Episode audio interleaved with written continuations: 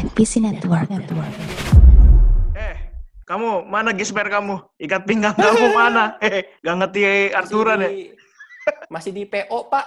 Di Saya PO. lunasin. Di Iya. PO. Maksud Bapak, ini kan beltnya Kamen Rider kan? Wow, ya? wow, wow.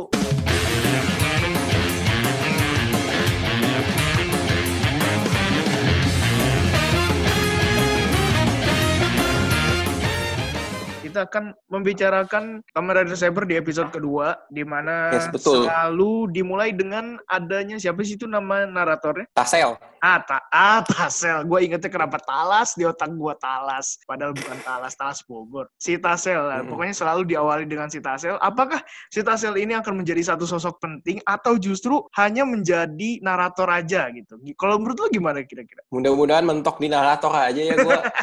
Gak kebayang, gak kebayang, gak, maksud gue gini, gue bukan yang ngeledekin, tapi gue belum kebayangin dia masuk ke dunia Toma dan ya peran dia apa gitu di pertarungannya Saber lawan Kalibur dan temen-temen gitu. Oke. Gak kebayang aja gue belum, belum, belum. Iya iya sih mudah-mudahan. Eh tapi bisa jadi ntar malah jadi kayak ini loh tau DJ Sagara ya? Oh, Iya nggak sih? Bisa aja loh. Kreatif sekali ya, iya iya betul Ya, betul. tapi kan nggak tahu. tapi ya mudah-mudahan yang terbaik lah. Nah terus gini ceritanya diawali dengan kedatangan Ren eh Rintaro apa Rentaro? Rintaro ya. Rintaro, iya. Rintaro naik singa singa warna biru. Jadi si Rintaro ini Kamen Rider Blaze. Ya. Bilangnya Blaze apa Blaze sih? Blaze kali ya. Blades tapi ada S-nya di belakang. Ah, iya. Blades jadinya Blades. banyak. Blaze pokoknya di episode Pedangnya lebih dari satu. Iya betul betul. Karena namanya ada S-nya kan. Tapi pedangnya satu di ceritanya. Woi. Eh, kata siapa? Ada dua kok. Emang ada Yang dua ya? satu, di Heeh. kepalanya satu. Wah. Kepalanya tanduknya kayak pedang kan? Nah. Itu yang gue tunggu-tunggu padahal. Karena baru dua episode tapi belum ada pertarungan tiba-tiba dia pakai kepalanya kan. Belum ada kan? Belum ada tuh. Dan pasti nih someday bakal ada kompilasi-kompilasi kayak fail-fail gitu tuh. Tahu nggak lo? Kan ada tuh di YouTube yang fail-fail tuh. Nah, kan dulu kan ada Kamen Rider Ghost tanduknya patah. Nah, ini pasti bakal lebih pecah lagi sih lucunya nih.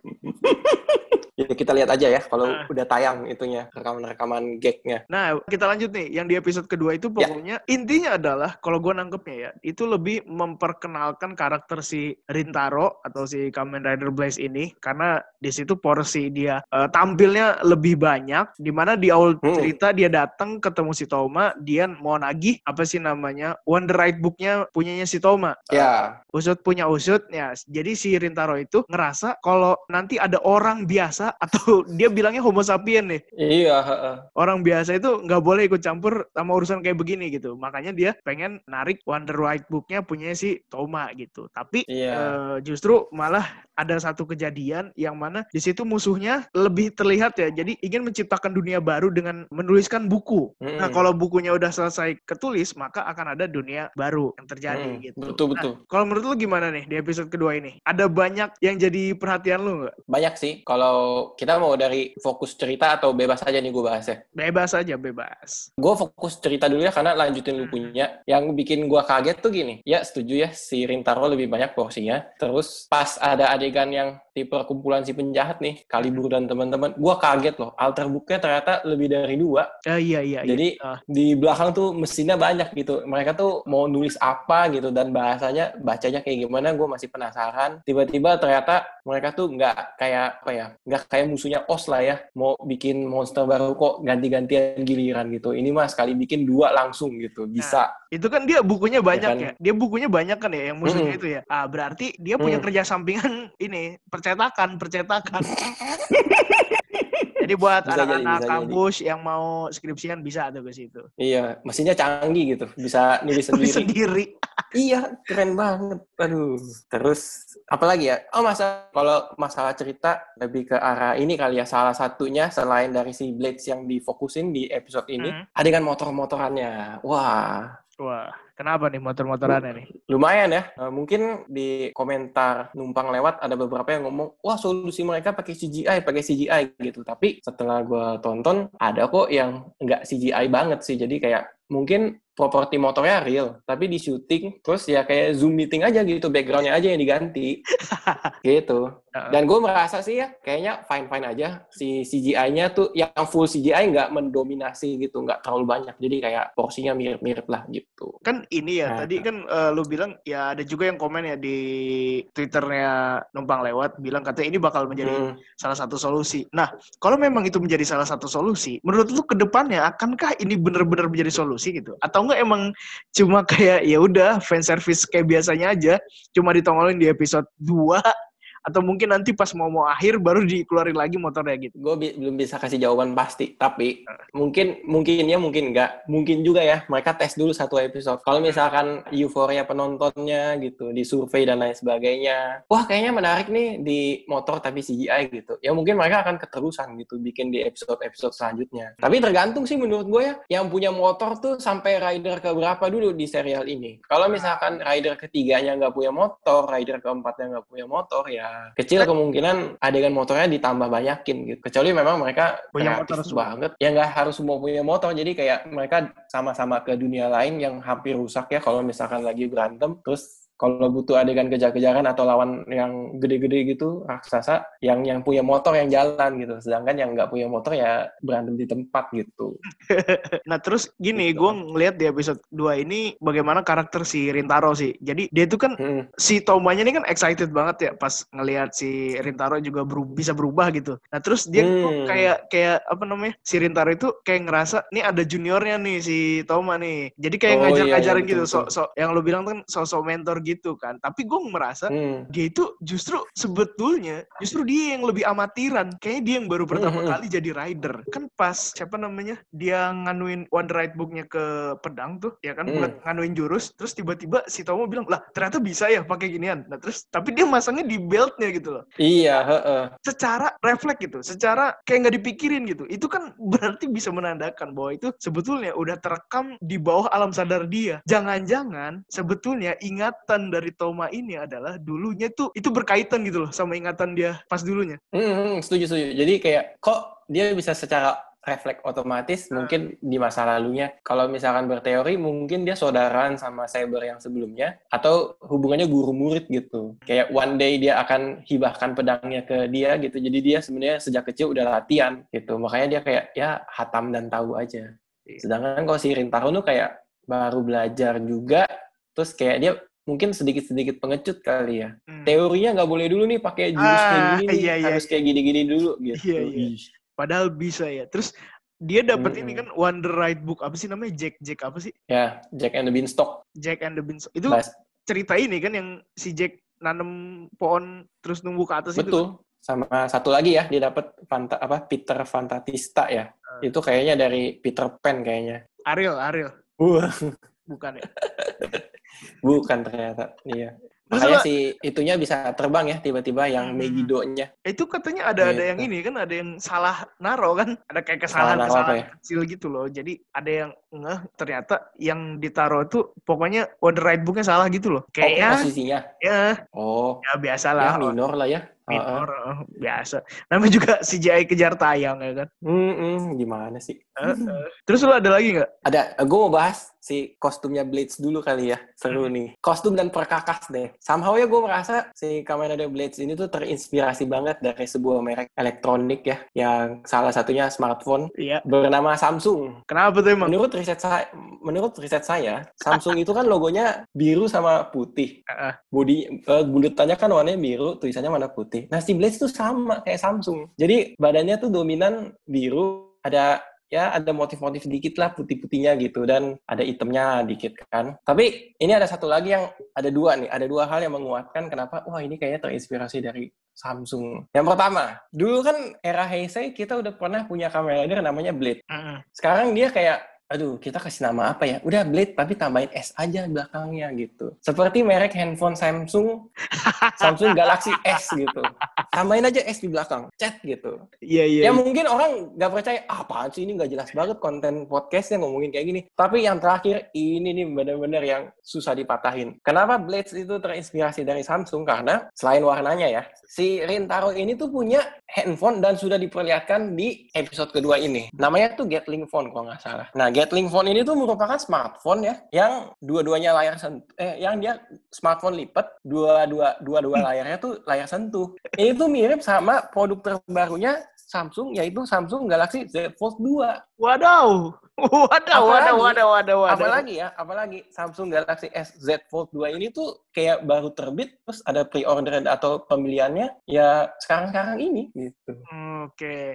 Ya, Jadi itulah. kan ya iya i- apakah ini ada hubungannya? dan itulah tadi kolaborasi podcast numpang lewat dengan David Gadget In ya. この青きたてがみが新たに記す気高き王者の戦いの歴史。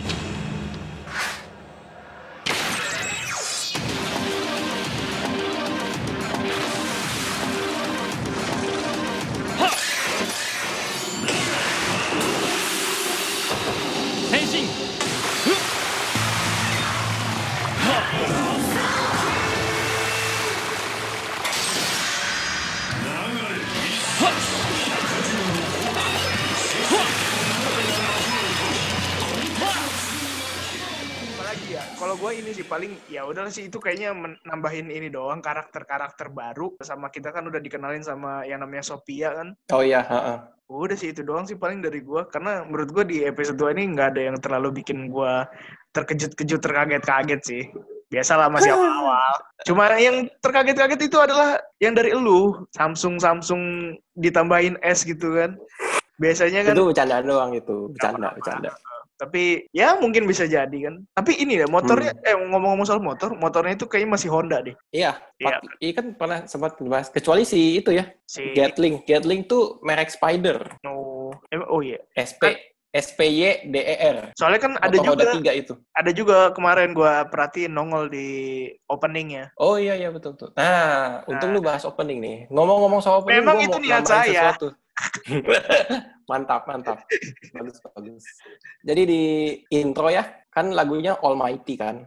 Penyanyinya gue lupa, nanti bisa dicari ya. Ada namanya apa? Terus Ska ska gitu deh. Musiknya musik Iya, musik iya, ska gitu kan. Ska Betul, betul. apa gitu. Lupa gue juga sih nggak terlalu ini. Ini gue baca aja deh ya. Tokyo Ska Paradise Ah, Orchestra. iya. Ah, with Yohei Kawakami. Nah, ngomong-ngomong soal si intro ya, eh, di intro kan ada beberapa animasi. Biasa sih menurut sejarahnya, beberapa Kamen Rider tuh intronya itu menggambarkan apa yang akan terjadi sampai dengan ending serialnya. Wow. ah. Ya kan, kayak, wah ini nanti masa Izu jadi jahat gitu. Ternyata bukan Izu tapi Azu gitu. ah. Rambut panjang, mata merah gitu. Iritasi dong. Nggak, nggak, canda. Kita ngomongin Saber sekarang. Zero One Saringan, lewat. saringan. Move on, move on.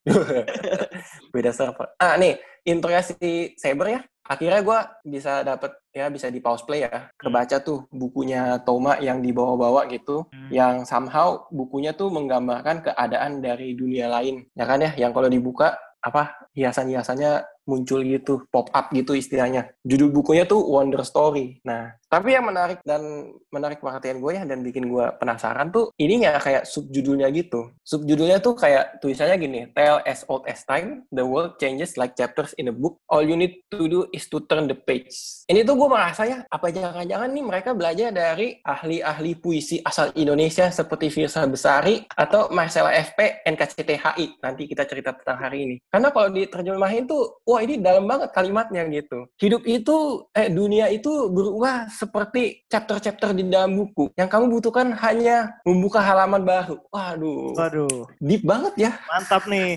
Satu aja bisa jadi quote buat update tweet. Iya gitu. Kalau misalkan Anda pecinta tokusatsu tapi lagi mau ngegebet pasangan Wah. dengan cara membuat quote-quote indah, pakai aja ini gitu di bahasa Indonesiain. Wah, pasti dia tidak akan sadar. Dan tapi kalau misalkan mau nikah, jangan kasih tahu harga mainannya ke calon istrinya. Wah, harganya segini gitu. Waduh, kejang-kejang nanti. Kejang-kejang.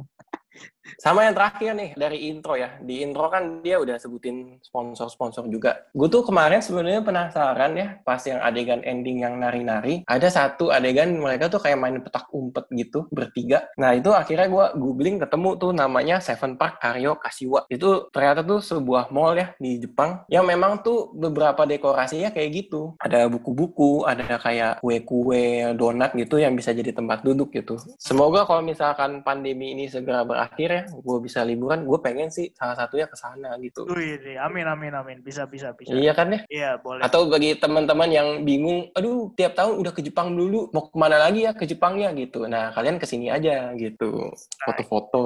Saya foto-foto loh di tempat syutingnya kamera dari Saber gitu. Ya, kalau nggak bisa ke. Jepang minimal bisa ke ini ke Blok M.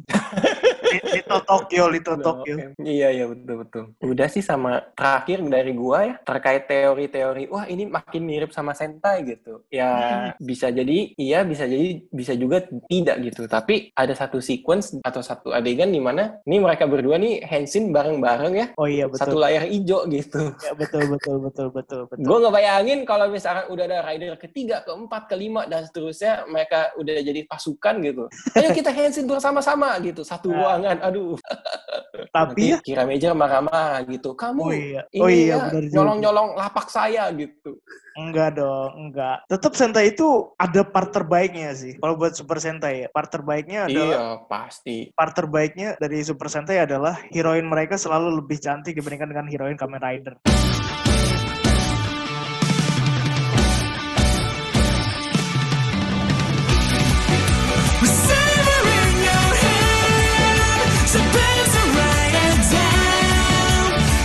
to save this world.